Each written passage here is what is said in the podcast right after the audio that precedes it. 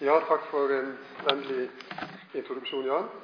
Jeg ser at noen allerede er i gang med å lese hendelsen. Det skal de ikke gjøre helst. Ennå, ikke før jeg sier at det er greit. Det er dette jeg pleier å si til mine studenter, at de skal få hendelsen hvis de lover å ikke lese før jeg sier fra at de skal, og at vi er på samme sted under forelesningen.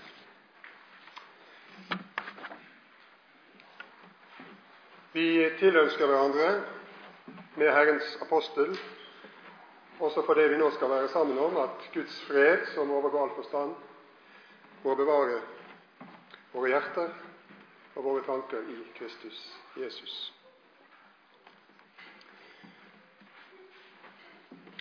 Selvsagt var det en tilfeldighet, men timingen kunne ikke vært bedre. Det som skjedde i går ettermiddag, da jeg var på vei hit jeg kom til å kjøre bak en bil som hadde et klistremerke, og det er jo ikke så uvanlig. De fleste, eller veldig mange, prøver å kommunisere et eller annet budskap via et klistremerke på bilen. Men eh, det var en spesiell tekst på dette klistremerket. Der sto det 'Jesus is coming, be busy'. Jesus is coming, be busy. Det var nesten som jeg skvatt var dette en som hadde prøvd å gi en kort sammenfatning av foredraget mitt. Jeg hadde tenkt å, hadde lyst til å stoppe sjåføren, spørre hva han mente med den teksten, hvis det var han som var ansvarlig for den, hvorfor han hadde den. Eh, var det kanskje en mer allmenn utgave av det kjente Luther-sitatet? Ja, om det er et sitat eller ikke, er omstridt i forskningen, men Luther kunne, kunne godt ha sagt det iallfall det han sa om, om sitt epletre, at hvis han visste at Jesus kom igjen i morgen, så ville han likevel plante sitt epletre i dag. Paulus ville tror jeg, sagt akkurat det samme, bortsett fra at han ville byttet ut epletreet med et fikentre. Men altså busy i betydningen livet skal leves, også og nettopp når vi tenker på og er opptatt av at Jesus kommer igjen. Jesus coming, BBC. Jeg skal nevne det som konklusjon også. Men eh, det var, det var en spesiell opplevelse, jeg må si det. Temaet som jeg har fått, dvs. Si jeg har valgt det, tror jeg det er, Av og til har man det privilegium. Det har to hovedord som jeg på obligatorisk akademisk vis får gi noen definitoriske kommentarer til innledningsvis etikk og eschatologi. Når vi, eller hvis vi, snakker om etikk i Det nye testamentet, eller endog Det nye testamentets etikk Det er akademisk iallfall forskjell på de to formuleringene. Så skulle vi kanskje sette denne betegnelsen etikk i anførselstegn. For Det nye testamentet inneholder ikke noen etikk i betydningen en logisk oppbygd, sammenhengende, systematisk, vitenskapelig eksplisert, metodisk etterprøvbar fremstilling av de etiske grunnlagsspørsmål og deres materialisering i konkret områdeetikk. Nytestamentet er ikke noen håndbok eller noe kompendium i, i kristen etikk. Men det er jo mye etisk stoff i Det nye testamentet. Mye som relaterer seg til det levde liv, som handler om hva som er rett livsførsel etter Guds gode vilje, og hva som ikke er det. Dette stoffet det er primært preskriptivt, altså foreskrivende, ikke analytisk deskriptivt. Skjønt vi skal ikke underslå eller undervurdere at eh, de nytestamentlige forfattere de gjør seg også sine refleksjoner når det gjelder de konkrete etiske handlingers premisser, betingelser og orienteringspunkter. Men dette etiske stoffet, Det nye testamentet, det møter vi fremfor alt i form av det vi tradisjonelt kaller formaninger, der de kristne oppfordres og oppmuntres til i tenkning, i holdning og handling å trekke de praktiske konsekvenser av Guds frelseshandling i Jesus Kristus. Disse formaningene omtales i forskningen og faglitteraturen ofte som parenese, og det var visst en formulering som var i de første utkastene til temaformulering for dette foredraget, men det fikk jeg da stoppet fordi jeg har brukt mye energi i min forskning på å forsøke å bannlyse denne termen fra nytestamentlig forskning. Jeg skal ikke si hvorfor, det vil jeg føre for langt å gå inn på. Men den er ikke helt adekvat etter min mening, og vi skulle i stedet tale som med Bibelens egen terminologi om paraklese. Og Det skulle jeg ha sagt mye om, men jeg skal prøve å holde meg fra det her nå. Vil man forsøke å anlegge overordnede perspektiv og finne samlende karakteristikker på den nytestamentlige paraklese og dens motiveringer og begrunnelser, så kan vi jo nevne noen stikkord. Den er eklesiologisk, den er pneumatisk. Den kristne livsførsel er altså ledet av Ånden og lever etter Ånden. Den er sakramental. Dåp og nattverd representerer en frelsesvirkelighet med avgjørende betydning for de kristnes liv. Og den er, som dette foredraget skal konsentrere seg om, eschatologisk. Ingen av disse enkeltbestemmelsene er i seg selv uttømmende, og de er ikke isolerte definisjoner av den nytestamentlige etikk, men disse er vevd inn i hverandre. Men i tillegg, eller ikke i tillegg, men det er én, og bare én, fellesnevner for all nytestamentlig etikk og paraklese. Det er kristologien. Kristologien er innebygget i alle de andre dimensjonene Den er fellesnevneren. Nytestamentlig etikk er først og sist kristologisk etikk. Forutsetning og basis for kristen livsførsel er Guds frelsesverk i Jesus Kristus. Kristologien er den altbestemmende horisont for etikken. Så til eschatologi i Det nye testamentet. Det nye testamentet taler, som alle vet, både om en presentisk realisert eschatologi, en nåtidseschatologi. De siste ting er de nærværende ting i tiden mellom Jesu første komme og parosien. Paulus kan si det slik til oss er de siste tider kommet. 1. Korinterbrev 10.11. Og Det nye testamentet taler om en futurisk, en utestående, en fremtidig eschatologi. Fremtidseschatologien fullendelsen av dette verdensløp ved Jesu gjenkomst.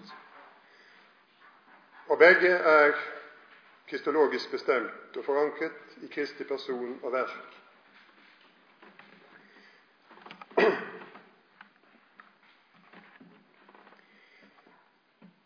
Disse to eschatologiene, eller former for eschatologi, de betinger hverandre de forholder seg komplementært til hverandre og utgjør en uatskillelig enhet.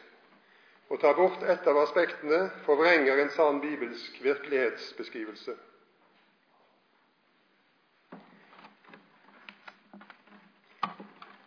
Et enkelt ord som eh, sammenholder dette, egentlig. Eh, det kan diskuteres hva som er det mest korrekte oversettelse og forståelse av det, men vi skal ikke egentlig spille det ut mot hverandre, men det hører sammen. Det er ordet 'maranata'.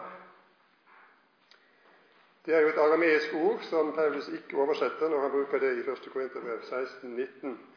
Et uh, ord som kan deles opp på forskjellig måte, og derfor oversettes forskjellig. Enten maranata, Herre kom, eller maran ata, Herren er kommet.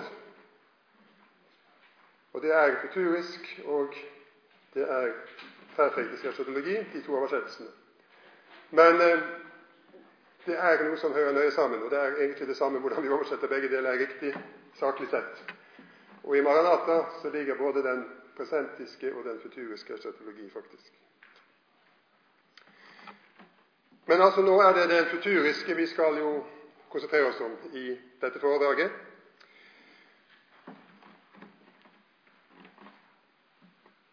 Da det futuriske ved Herrens gjenkomst da Herren ikke lenger skal være skjult.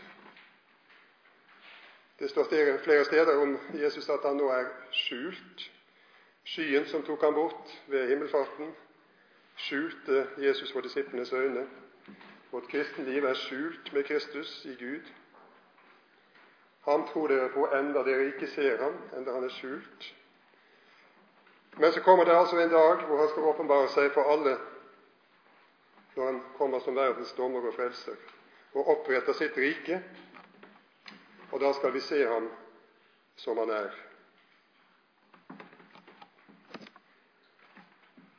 Jeg minner i denne sammenheng om at når vi er inne på det futuriske, det som eh, Knut Alvsvåg var innom flere ganger i sitt foredrag i går, at uh, her står vi i skildringen av dette, det futuriske, ved, ved språkets grense.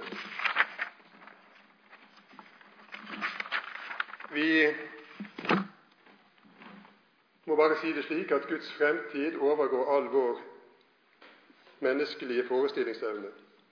Hvis alt skal bli nytt, åpenbaringen 21.5, kvalitativt kvalitativt nytt, da må jo fullendelsen bli annerledes, kanskje totalt annerledes enn alt hva vi kan forestille oss av herlighet. For vi er henvist til å si alt det vi skal si ut fra vår gamle forestillingsverden, vårt gamle forestillingsmateriale. Og eh, for å si det med Per Lønning, så kan vi vel si at våre ord kommer vidunderlig til kort når det gjelder den futuriske eschatologi. Syns det er en flott formulering. Vidunderlig til kort. Det nye og fullendte som Gud har gjort ferdig for dem som elsker Ham, det er nettopp heller ikke kommet opp i noe menneskes hjerte. Her sprenges språkets hverdagshylstere.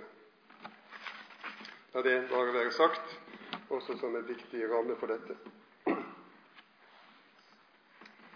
Men altså, vi skulle nå se på forholdet da mellom disse to størrelsene, mellom eschatologi og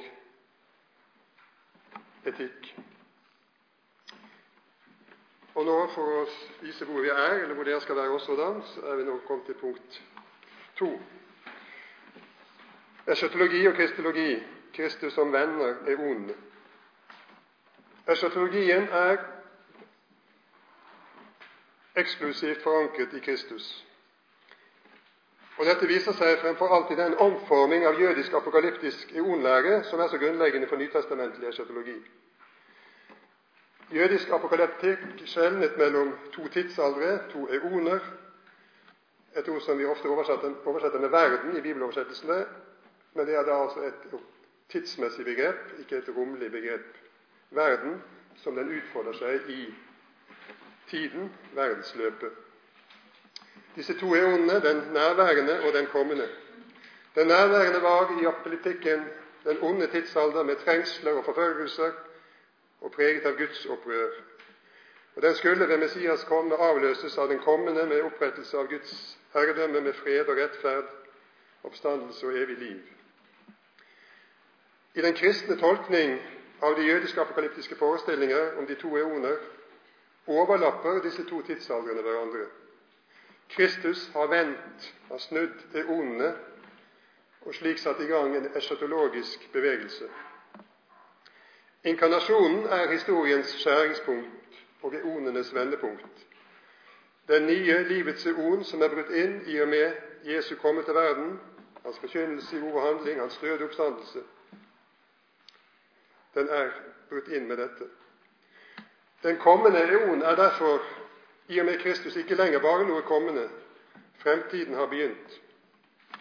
Midt i denne verden, den ondskapens verden, som har sin egen Gud, som har som oppgave å blinde menneskets øyne så de ikke får se Kristus. 2. Korinterbrev 4,4.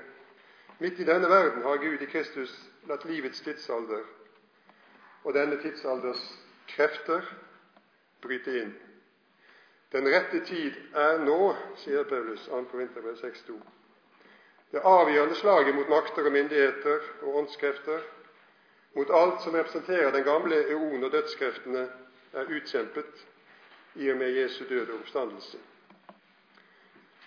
Den onde har fått sitt barnesår, og dette garanterer så å si den endelige seier over og utryddelse av alt ondt.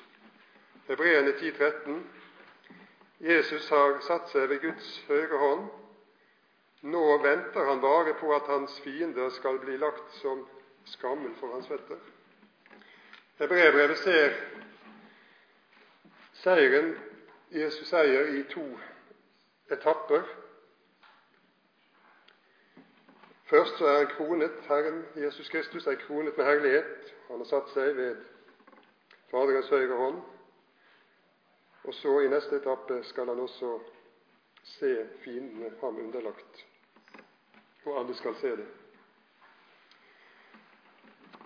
Det er altså på grunn av denne eschatologiens eksklusive forankring i kristologien at de nytestamentlige forfattere flere steder taler om at den siste tid, de siste dager, tidenes ende allerede er kommet. Og disse siste tider er altså da perioden fra Jesu første komme til hans gjenkomst. Eh, det sier i parentes, i den grad man kan si noe i en parentes, eh, at når jeg nå bruker på tradisjonelt vis ordet 'gjenkomst', så er det et ord som vi ikke finner i Det nye testamentet, i den forstand at det er ikke et gresk ord som tilsvarer akkurat ord 'gjenkomst'. Parousia, som vi bruker som fremmedord, parousi, det betyr ankomst eller tilsynekomst, også nærvær eller tilstedeværelse. Og det er en viss fare med ordet 'gjenkomst', iallfall for utenforstående, nemlig at man kunne tro at Kristus har vært fraværende i mellomtiden, i tiden mellom sitt første og sitt annet komme. Men vi vet jo lykkeligvis at han er ikke fraværende, men midt iblant oss, midt iblant sine troende i denne mellomtid. Skjult, men reelt, jf. misjonsbefalingen. Kristologien er altså eschatologisk, og eschatologien er kristologisk. En kristologi uten eschatologi omgjør kristendommen til en individualistisk forløserreligion. En eschatologi uten kristologi forvrenger kristendommen til en mytisk fremtidsprosess. Og Nå lever de kristustroende i spenningsfeltet mellom den gamle og den nye tid. De tilhører den nye tidsalder som er brutt igjennom, ved Jesus Kristus. De er allerede en del av den nye skapelse. De erfarer allerede her og nå den kommende verdens krefter, Hebreerne 6,5. Denne erfaring er en forsmak på den fullkomne frelsestilstand som de troende får del i ved oppstandelsen, hvor de helt og fullt blir delaktige i barnekår hos Gud. Og Det er to uttrykk som eh, Paulus bruker, som understreker dette når han taler om Ånden. Han taler om Ånden som pant, et uttrykk fra bankspråket som går på forskudd, som utbetales som en garanti for at totalsummen skal utbetales senere. Og han taler om Ånden som førstegrøden, den første frukt. Det vil si, Ånden er den første av frelsens gaver, første del av den fullkomne frelse. Også det er en forsmak på den kommende og endelige frelse.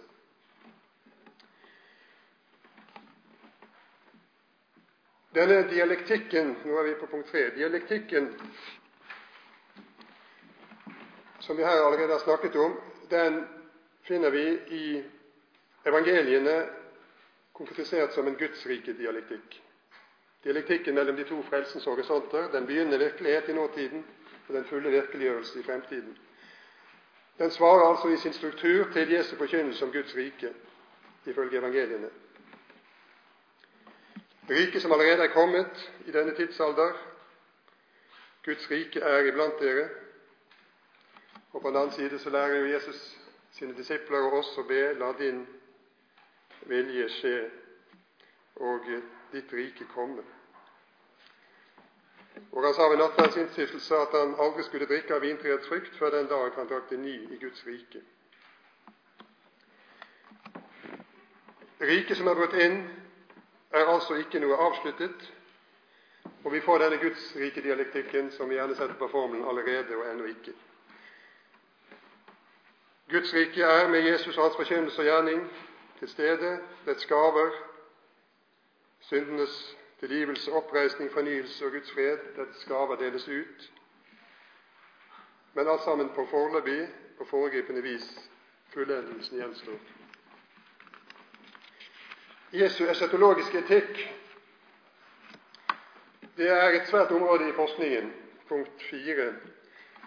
Det finnes, særlig før fantes det flere av dem, eksegeter som ikke finner noen konstitutiv sammenheng mellom eschatologi og etikk i Jesu forkynnelse og gjerning. Men dette anses for å være to isolerte størrelser.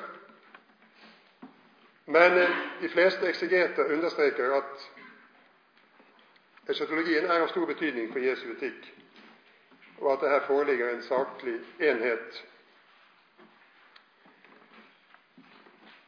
Men, eh, og det selv om man da har nokså forskjellig forståelse og definisjon av eschatologien, om den er primært bestemmes presentisk eller rent futurisk, Albert Schweitzer f.eks. Og eh, det er i mange av disse eschatologiforståelsene ting som jeg nok mener er underbibelsk eller ikke-bibelsk. F.eks. den eksistensiale forståelse av eschatologien i evangeliene, med Boltmann i spissen, hvor eh, eschatologien bare er et uttrykk for dette at budskapet er nærværende og må gripes i avgjørelsen, hvor fremtiden som tidsbegrep dermed er fullstendig avstreffet. Bare tre tekster som er satt opp her, kort for å vise hvordan eschatologi og etikk direkte sammenholdes i Jesu forkynnelse. Lukas 12, 58, hvor Jesus forteller om eh, to som er på vei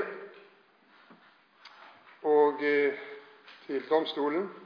De har et tvistemål seg imellom. Og det gjelder å komme overens med motparten mens det ennå er tid, før domssituasjonen inntrer og muligheten for å komme ut av det er liten. Denne lille lignelsen den motiverer altså med henvisning til Escherton etikken. Den innskjerper med denne henvisning, med henvisning til dommen, at det er noe som må ordnes opp, noe etisk som må avklares. Og eh, her er kanskje ikke bare henvisningen til dommen har ikke bare en formalfunksjon, slik at den intensiverer og forsterker det etiske, men også innholdsmessige konsekvenser. Tanken på dommen krever tilgivelsesberedskap og forsoningsvilje. Eller lignelsen om forvalteren som handlet klokt i Lukas 16. Og Man kan si mye om ham, og det gjør man jo i prekener, men eh, han er jo forbilde i den forstand at han hadde fremtiden for øye. Han ville sikre fremtiden, og så tar han alle midler da i bruk i sitt handlingsetos. Det er ikke dette etos i seg selv som selvfølgelig er forbilledlig, men dette at han lar tanken på fremtiden få konsekvenser for hva han nå skal gjøre. Og eh, avslutningen av bergprekenen, Matteus 7, 24-27, om den kloke og den tåpelige, ukloke husbyggeren. Den husbyggeren er klok som i sitt livsregnskap tar med den eschatologiske dimensjonen, som allerede her og nå innstiller seg på en endetid som gjør at huset kan bli stående, og bygger deretter her og nå. Og Det vil igjen si i Matteus' versjon her at i sin livsorientering gjør det som Jesus sier, det som Jesu ordene sier, og handler etter dem. Den som ikke gjør det, vil oppleve at fallet blir stort. Det vil si, for ham er det ingen eschatologisk redning. Jf. Matteus 12,36.: Menneskene skal på dommens dag svare for hvert unyttige ord de sier. Altså hele veien tanken på fremtiden, på dommen, det får de største konsekvenser for det etiske liv. Og Her kommer selvfølgelig også de mange henvisninger til lønnstanken inn. Vi skal ikke gå inn på det. Det er et stort område og bør sies mye om for at det skal være riktig. Men eh, det brukes altså i en rekke av Jesu formaninger. Den som gir dere et beger vann å drikke fordi dere hører Kristus til, sannelig sier dere, han skal slett ikke miste sin lønn. Markus 9, 41.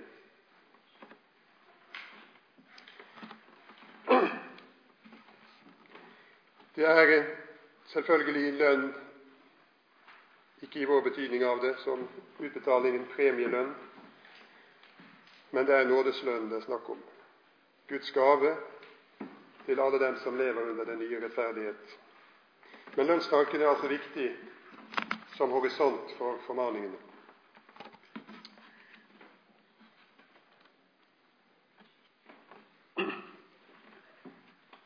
Punkt 5.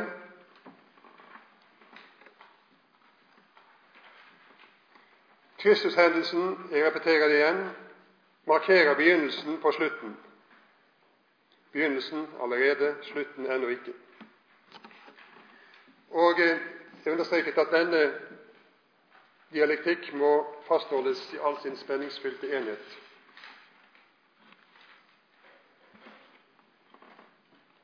Og Dette betyr for den kristne etikks vedkommende da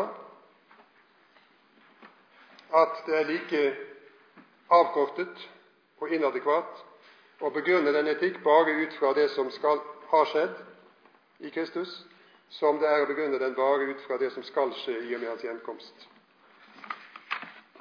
Vi må altså holde fast ved denne dialektikken hele veien.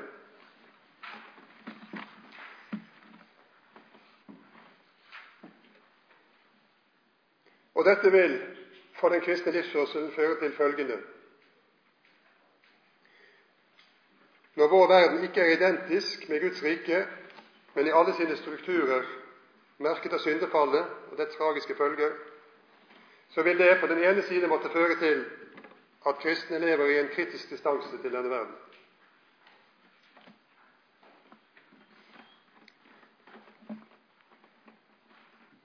Kristi kirke og den enkelte kristne kan aldri konformistisk avfinne seg med denne verden. For gjør den det, så har den oppgitt troen og håpet om det kommende Guds rike som historiens vende og sluttpunkt. Og fra den håpende tros ståsted så gjennomskues alle ordningers relativitet og foreløpighet. Og Kristen etikk må derfor være kritisk overfor alle systemer og ordninger som overser at vi lever i det nest siste og ikke i det siste. Det være seg i form av en sosial konservatisme og tradisjonalisme, eller i enhver form for svermerisk politisk eller sosial utopisme. Troen på at Gudsrikets krefter dog allerede er brutt inn i og med Jesus Kristus, vil på den annen side måtte føre til en realistisk akseptering av og tjeneste i verden Kristen etikk forholder seg altså samtidig både kritisk og realistisk til denne verden. Den sier ikke et nihilistisk nei til den, og heller ikke et konformistisk ja. Men det bevitner det revolusjonerende nye som er skjedd i Kristus ved hans første komme, og som skal fullendes ved hans andre komme. Og Det er to tekster som jeg vil oppholde meg litt ved her, som ytterligere belyser og understreker dette. Romerne 12.1-2 innledningen av det som gjerne kalles den parakletiske, den etiske del av romerbrevet. De to versene som er motto og program for alle enkeltformanningene som følger videre i kapittelet og i kapittel 13. Paulus oppfordrer her de kristne til med hele sin eksistens i alle dens uttrykksformer å stille seg til tjeneste for Gud i verden. Troen må legemliggjøres, kroppen skal bæres frem som et levende og hellig offer til glede for Gud. Og den skal bæres frem i hverdagen, den åndelige gudstjeneste. Det er vers 1.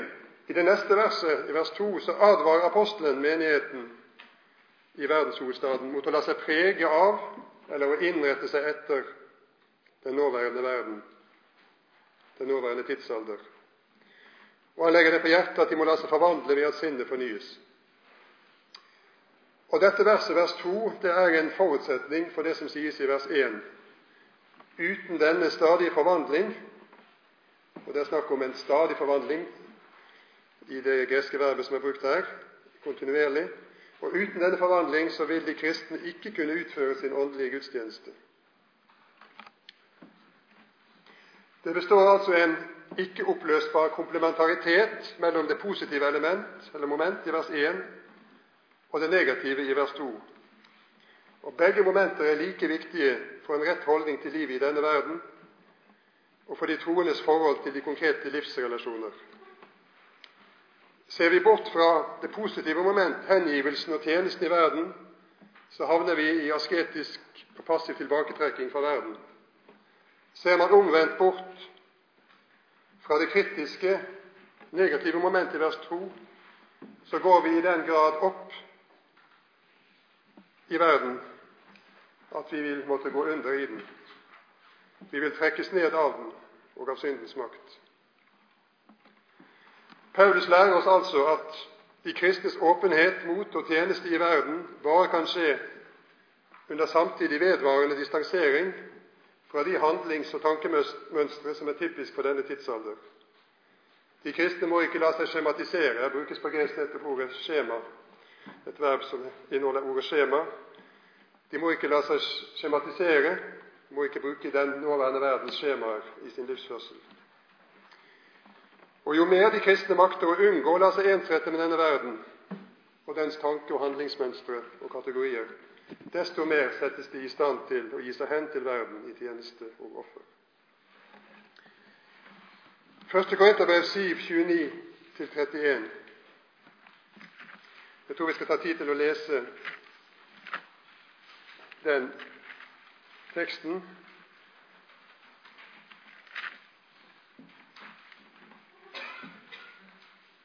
Dette vil jeg si dere, brødre, det er stadig kortere tid igjen fra nå av skal de som har kone, være som om de ingen hadde, de gråtende som om de ikke, har, ikke gråt, de glade som om de ikke gledet seg, de som kjøper noe som om de ikke eide det, og de som bruker verdens goder som om de ikke brukte dem. For verden slik den nå er, går under.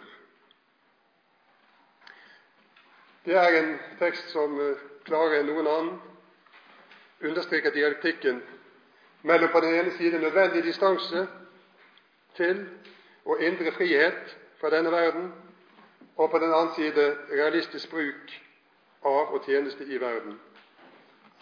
Og Den gjør det altså med en uttrykkelig futurisk eschatologisk begrunnelse. De fem antitesene her, motsetningsparene, retorisk elegant, og eh, antagelig noe som er overtatt kanskje av Paulus, vi har en tekst f.eks. i 4. Esra 16 som er veldig lik på denne. 4. Esra 16, 41. Følgende har ikke tid til å lese den, men dere ville med en gang hørt likheten hvis de hadde lest den. Men det kristne livet skildres altså her som et som-om-liv, med den begrunnelse at det er stadig kortere tid igjen. Tiden krymper. Tiden, kairos, det som er igjen av tiden mellom Jesu oppstandelse og fullendelsen. Den er altså sammentrengt. Og det henvises til at verden slik den nå er, med dens skjema Her brukes også skjema, dens skikkelse og dens vesen. Alt det som gjør verden, gjør verden til denne verden, altså dens jordiske livsforhold, det går under, som det er oversatt her. Vil kanskje si at her, her oversettelsen til norsk bibel bedre forgår. Det er ikke verdens undergang, men det er verdens ende det vel tales mest om her. Og Vi merker oss at det står at presentisk verden forgår. Det vil igjen si at den er i gang, denne, dette at den forgår. Det er noe som pågår. Verden går i sin nåværende forfatning mot sin avvikling. Paulus tenker her prosessuelt. Men dette som om livet må vi ikke lese som om det skulle være et liksom-liv. Dette som om skal forstås slik at det alltid må være et eschatologisk forbehold i den kristnes liv, nemlig på den måten at alt som har med dette livet å gjøre, det må ikke være det som er den endelige, som bestemmer og styrer det kristnes liv. Det kristne liv skal ikke være styrt og bestemt av forholdene i denne verden, ikke av denne verdens verdier og goder. Paulus sier et annet sted i dette brevet jeg lar ikke noe jeg lar ikke noe få makten over meg. Og det gjelder altså i alle livets relasjoner at de skal ikke få den siste og endelige makt over oss. Uansett livssituasjon, gift eller ikke gift, lykkelig eller ulykkelig, sorgfull eller glad, huseier eller ikke huseier, enhver kristen lever sitt liv med tanke på at Jesus kommer igjen, og la dette være det som primært skal prege livsførselen. Vi kan huske på det som Jesus sier om Noah-generasjonen, og også om Lots generasjon i Lukas 26-30, hvor det også er tale om å spise og drikke og gifte seg og kjøpe og selge, om plante og bygge, om alt som hører denne verden til. Og det er ikke noe galt med noe av det i seg selv. Det er ikke det Jesus refser og trekker dem frem for som advarende eksempel, men det var dette at de levde bare i dette og av dette, og innrettet seg kun i forhold til dette, uten å la seg forstyrre i hermetegn av det kommende, at menneskesønnen skulle åpenbare seg en dag, og at Guds dom skulle komme.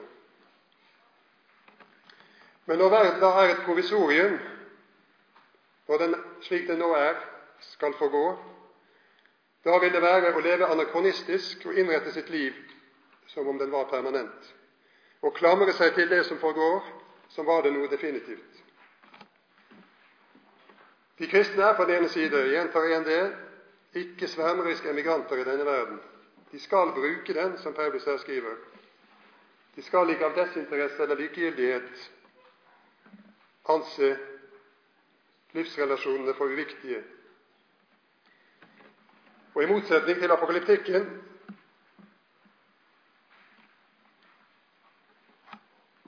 som også holder sammen eschatologi og etikk, det gjør det i apokalyptikken. Det kunne sagt mye om, men det er en avgjørende forskjell.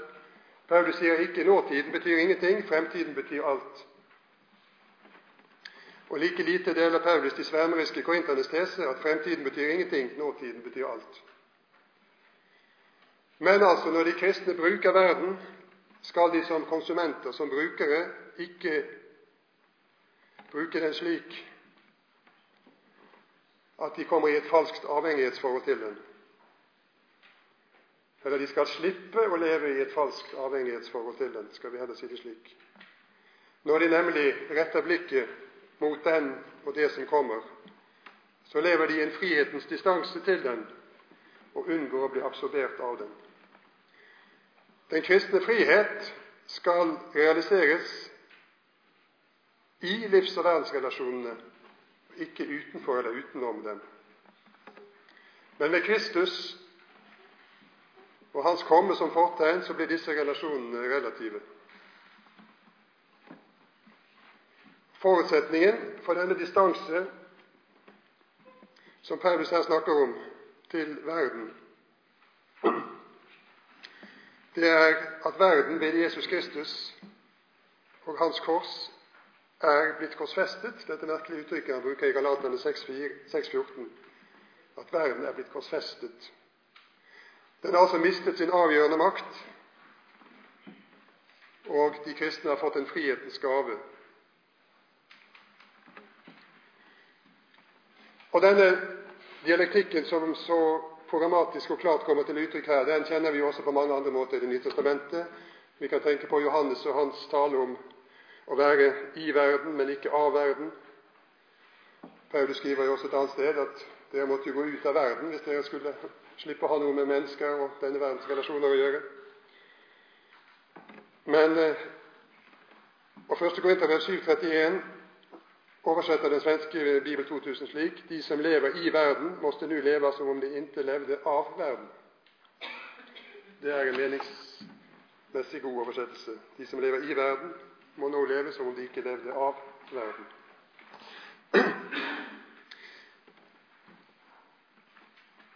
Den enda dypere grunn for de kristnes frihet i forhold til denne verden, en enda dypere grunn enn det at vissheten om at den skal forgå, det er at den nærværende og kommende Herre det er den nærværende og kommende Herre som de kristne tilhører. Like etterpå her, i vers 32-35, så tolker Paulus den eschatologiske blikkretning igjen kristologisk. Det er tale om å være til glede for Herren, det er tale om å holde seg helhjertet og trofast til Herren i de neste versene. Og Det er dette som gir friheten, dypest sett, til denne verden.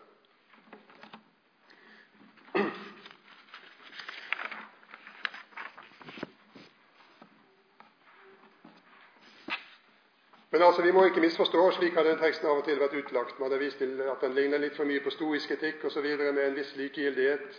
Eh, ikke, ikke være for engasjert i det man skal oppleve, ikke være for miste kontrollen osv. Men det er en fullstendig feil sammenligning. For eh, Paulus han er realistisk, og han vil at det skal være et engasjement, at vi skal ta vårt ansvar i alle jordiske relasjoner. Å være gift som han ikke var det, betyr ikke at ektefellene like godt kunne skille seg, eller at de skal slutte med sex i ektefellen. Paulus har jo skrevet akkurat det motsatte i begynnelsen av dette kapitlet. Eh, rettet mot de i menigheten som propaganderer avkall på ekteskapelig samliv. Men også ekteskapet hører altså til den verden som skal forgå. Og Derfor er også ekteskapet en interimsordning. Og det må aldri forbinde på den måten, selv de ekteskapelige bånd, som er de sterkeste menneskelige bånd, må aldri forbinde så sterkt at de blir sterkere enn båndet til, til Kristus. I 1. Korinterbrev 7,26 det ser På punkt 5 så er det et lite ekskurs. Det er et vers som er Jeg nevner det her fordi det utlegges ofte eschatologisk, futurisk. Og i så fall så får denne foredragsholder et problem. Hvis det Paulus sier der om når han sier at argumenterer på en måte for ugift stand. 1. Korinterbrev 7, 26. På grunn av den nødstid vi lever i, mener jeg det er godt for et menneske å forbli ugift. Argumenterer altså Paulus her med Kristi gjenkomst for øye for ugift stand? Jeg får da et problem For mente Paulus at fordi de kristne i hans samtid levde i de siste tider, og derfor helst ikke burde gifte seg, så burde jo vi som lever 2000 år senere og lever enda mer i de siste tider, enda mindre gifte oss. Det må vel være den logiske argumentasjonen her. Nå er det flere eksegetiske problemer her. Blant annet står det i grunnteksten 'være slik', det som er oversatt med at man skal forbli ugift. Det står bare 'være slik' i grunnteksten. Og Hva refererer det til? Det er ikke sikkert at det refererer til ugift stand. Det kan referere til å leve sitt liv der Herren har satt en, da han ble kalt, slik som det er tale om i det foregående. Eh, og Dessuten så er det min eksegetiske mening nå at eh, det ordet som er brukt her, og som man da ofte mener er det samme som brukes om trengselstiden eschatologisk andre steder i Bibelen, altså ananke, at det tilsvarer tripsis, endetidstrengslene, det er kan godt ha en annen referanse. Det refererer mest sannsynlig etter min mening til en aktuell, vanskelig sosial nødsituasjon som de kristne i Korint opplevde, muligens forårsaket av et jordskjelv, som andre kilder forteller om på denne tiden, og med hungersnød og matmangel som, som konsekvens. Det er altså snakk om en akutt, vanskelig sosial situasjon, og i den nøden så er det Paulus med sitt råd vil spare de kristne for enda flere vanskeligheter som de vil få ved å gifte seg. Ja, skal ikke gå mer inn på det, men nevner nevne det fordi at uh, det får konsekvenser hvis vi uh, har en ensidig eschatologisk forståelse av, av, dette verset. Det blir det sikkert debatt om. Nå må det gå litt i hurtigtogsfart her. Skal vi komme gjennom? Punkt 6.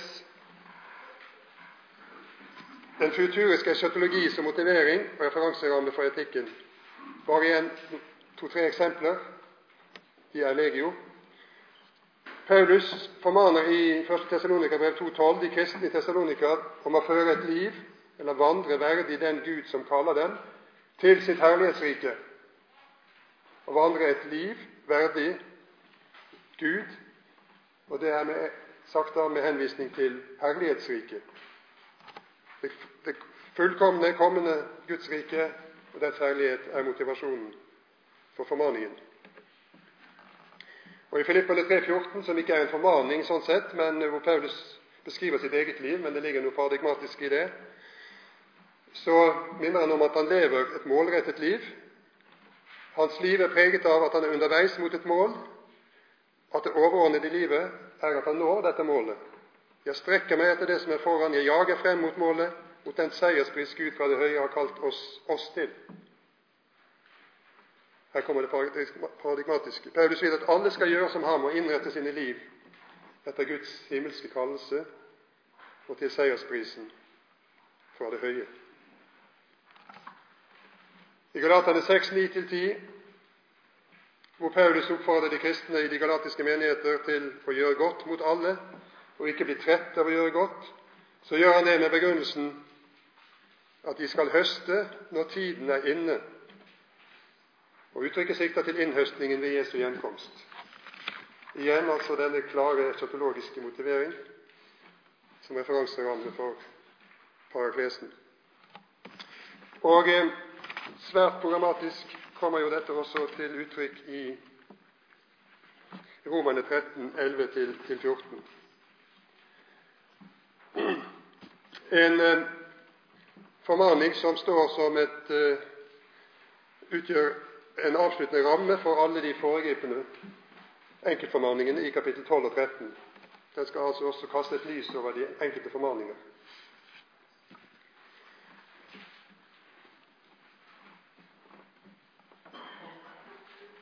Den tid som nå er, er igjen brukt ordet kairos, altså den tid som er kjennetegnet av Guds verk i Jesus Kristus.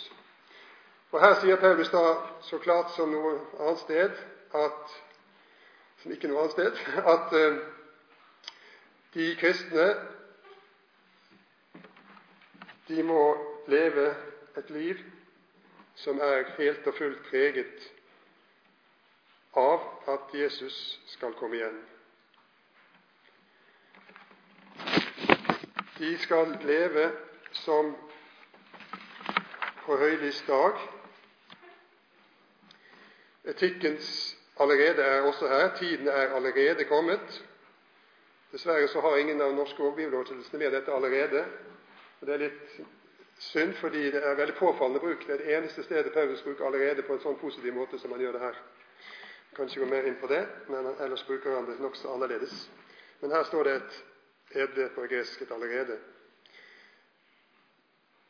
For han motiverer altså de kristnes rette livsførsel med dette allerede, at tiden er allerede kommet. Men i tillegg altså så er det henvisning til dagen, og eh, den er nærmere denne dagen nå enn da han og de romerske kristne kom til tro. Og Det er dette som er formuleringen i temaet vårt også, denne henvisningen her. Og Her brukes også da denne en terminologi som er apokalyptisk på mange vis. Natt og dag osv. Og, og søvn. Alt dette finner vi i apokalyptiske jødiske tekster. Eh, poenget er at dagen, og det er dagen som kommer, den skal altså kaste sitt lys inn over dette livet og få betydning for hvorledes de kristne skal leve. Må, I lys av dette så må de legge av mørkets gjerninger og iføre seg lysets gjerninger lysets rustning. Ja, jeg ser at jeg får kutte og eh, ikke gå mer inn på denne teksten. Jeg hadde tenkt å si mer om den.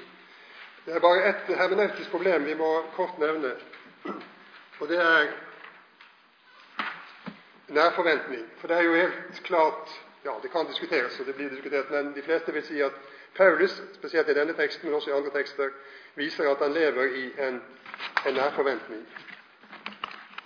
Som de første kristne gjorde det, at forventningen om Jesu komme den var slik at de ventet at han snart skulle komme, kanskje i deres egen levetid.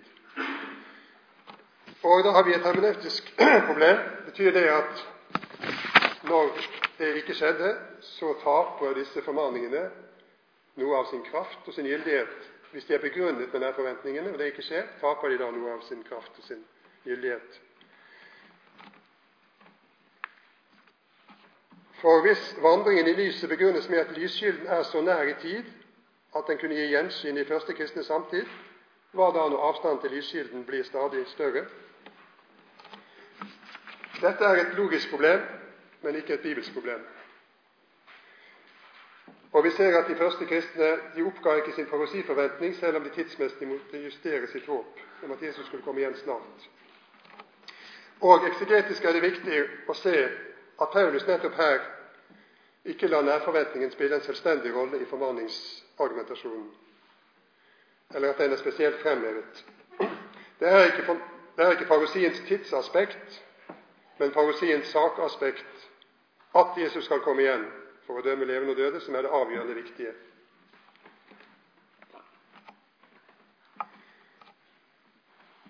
Og vi må vel også spørre kan vår forventning i det hele tatt om Jesu gjenkomst være en kjernforventning? Må den ikke til enhver tid være en nærforventning?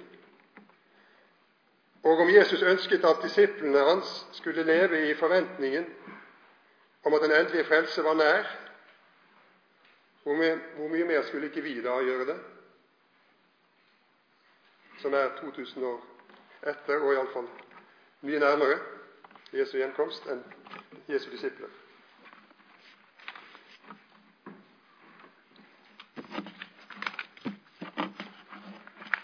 Annet Korinterbrev 5.10, også det er en tekst som eh, viser at det eschatologiske håp er basis for et ansvarsfullt kristent liv her og nå. Sukket og lengselen etter å få komme hjem til Herren og være med Kristus på fullkomment vis, ikledd ham og omsluttet av ham som vår himmelske bolig. Og også tanken på at vi skal frem for Kristi domstol og stå ham til ansvar for våre liv, vers 10. Alt dette motiverer de kristne til å ta deres jordiske forhold alvorlig. For i vers 9 her i 2. Korinterbrev 5 understreker Paulus at de som ser frem til og har som livets mål det eschatologiske, fullkomne fellesskap med Herren, de må sette sin ære i å være til glede for Herren, også når de er underveis borte, når de lever sitt jordiske liv her og nå. Det eschatologiske håp begrunner altså et ansvarsfullt etisk liv. Lengselen etter fellesskapet med vår himmelske Herre fører til at vi tar våre jordiske forpliktelser alvorlig. Lengselen aktiverer den passiviserer ikke.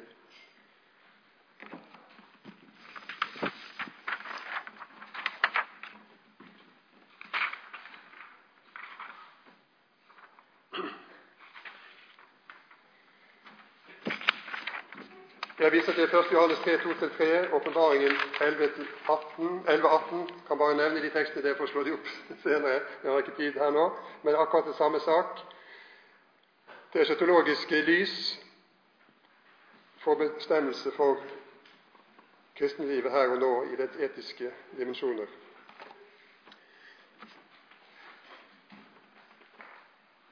Eschatologiens og etikkens hva.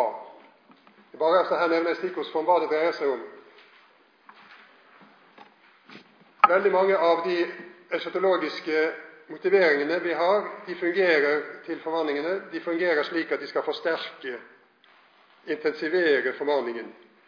Jf. Hebreerne 10.25, hvor eh, forfatteren formaner de kristne om at de skal oppmuntre hverandre, spesielt til å møte frem når menigheten samles. Den formaningen forsterkes med en henvisning til at de skal gjøre det så mye mer som de ser at dagen nærmer seg. Så mye mer altså en forsterkende funksjon. Og slik har mange av de eschatologiske begrunnelsene de har denne funksjonen. Men kan formaningene, eller kan eschatologien, også ha en innvirkning på etikkens svar, altså på det innholdsmessige? Det mener jeg den har på flere steder. Og Jeg har altså nevnt 1. Korinterbrev 6, 1-10 her. Dere kjenner teksten om disse som kristne som har en tvistesak, og som uh, går til en hedens domstol. Og Paulus er ironisk, nærmest sarkastisk, i sitt oppgjør med denne form for forhandling blant kristne. Og han viser da i vers 2 og 3 til det eschatologiske. Vet dere ikke at dere skal dømme verden, ja, endog engler? Hva nå dette måtte bety, det kan være litt vanskelig å si konkret, men i alle fall en klar eschatologisk referanse. Og den får konkrete følger for livet her og nå. Fordi dere vet dette, så må dere ikke gå til verdslige hedenske domstoler når dere skal ordne opp. Dere må ordne opp dere imellom. Og Det finnes også andre eksempler på at også det innholdsmessige blir bestemt ut fra tanken på det som skal komme ved og Jesu gjenkomst. Ja, jeg har sprengt alle rammer nå, eh, og det var synd, for det, punkt 8 er veldig viktig, men dere får lese det bare. Det var der jeg hadde en henvisning til åpenbaringen 11.18, kan dere føre til der, i punkt 8, at uh, der står det at Gud skal ødelegge dem som ødelegger jorden. Det er en eschatologisk henvisning som er viktig for etikken når det gjelder det økologiske. At det kristne håp om gjenreisning av Guds skaperverk, om den nye himmel og den nye jord, det avgir viktige premisser og perspektiver for vår omgang med å bruke skaperverket. Økologisk likegyldighet er eschatologisk utroskap. Det skulle jeg og ville jeg ha sagt mer om, men la det være. Og må la det være. Avslutningsvis Jeg begynte med å si, eller sitere denne, dette klistremerket Jesus is coming. Jesus kommer, kommer igjen. Be busy. Ja, vi skal være busy. Vi skal være ivrige. Et ord som av og til i Nyttestamentet forfattere bruker med henblikk på det som kommer, og konsekvensen av det, at vi må være ivrige. Og da først og fremst på den måten at vi lever vårt liv ansvarsfullt, og på den måte at det er til glede og til hjelp for andre mennesker. Og det gjør vi hele tiden med det for øye at det likevel ikke er det siste, men, men bare det nest, nest, siste. Men det må altså, det psykologiske overlys, det må få lov å kaste dette lyset inn over våre liv. Gjør det ikke det, så har vi altså sviktet. Vi har sviktet Herrens ord. Vi har sviktet Hans formaninger. Vi har sviktet fellesskapet med ham slik han ville det skulle være. Jeg viser til lignelsen om brudepiken helt til slutt, til Matteus 25.